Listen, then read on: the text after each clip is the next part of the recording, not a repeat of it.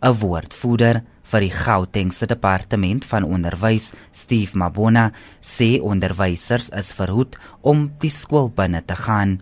We agreed to investigate all those uh, allegations. So we just amazed why would then they decide to go to the school, blockade the gate and say we are locking out the four teachers. Now as a result the other teachers which uh, were not part of that blockade or a denial of access, they then said, No, we are walking away because we don't feel welcome. If you're going to treat our fellow educators like this, it means we are also, you know, not welcoming us. Mabona sê rekord eksamens vir sekere grade is onwrig.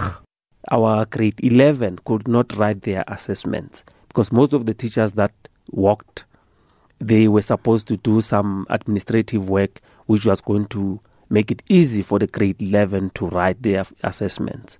Fortunately, the grade 8 up until 10 they managed to write their assessments and the, grade 12 fortunately because they are not at the same venue they are writing their preliminary examinations at a different school Hy sê matrieks by die skool sal na 'n kamp geneem word. And those who have agreed that when they are done with their prelims, we're going to take them to a camp where they're going to be polishing their knowledge, get ready for the final examination, keep them there, they write up until they finish, and then we release them to go home. Because we felt that they missed uh, quite a sizable time and uh, we, they need to be assisted, they need to be supported. Intussen is 28 leerdlinge van Mooifontein Laerskool deur vier ander leerdlinge met spuitnaalde geprik. Mabona sê die leerdlinge ontvang antiretrovirale behandeling.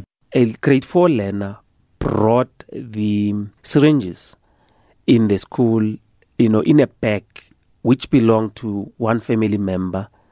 Uh, she only learned when she was in class to say there's these syringes, but then the other friends three of them, they suggested that no, let's play doctor, doctor, let's prick the other children.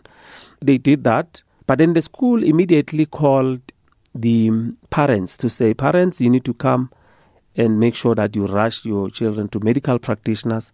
Then the medical practitioners they did uh, administer the prophylaxis and some ARVs Mabona sê ter stappe sal teen die skuldige leerdlinge ingestel word. Jean Estreisen, SAICanis.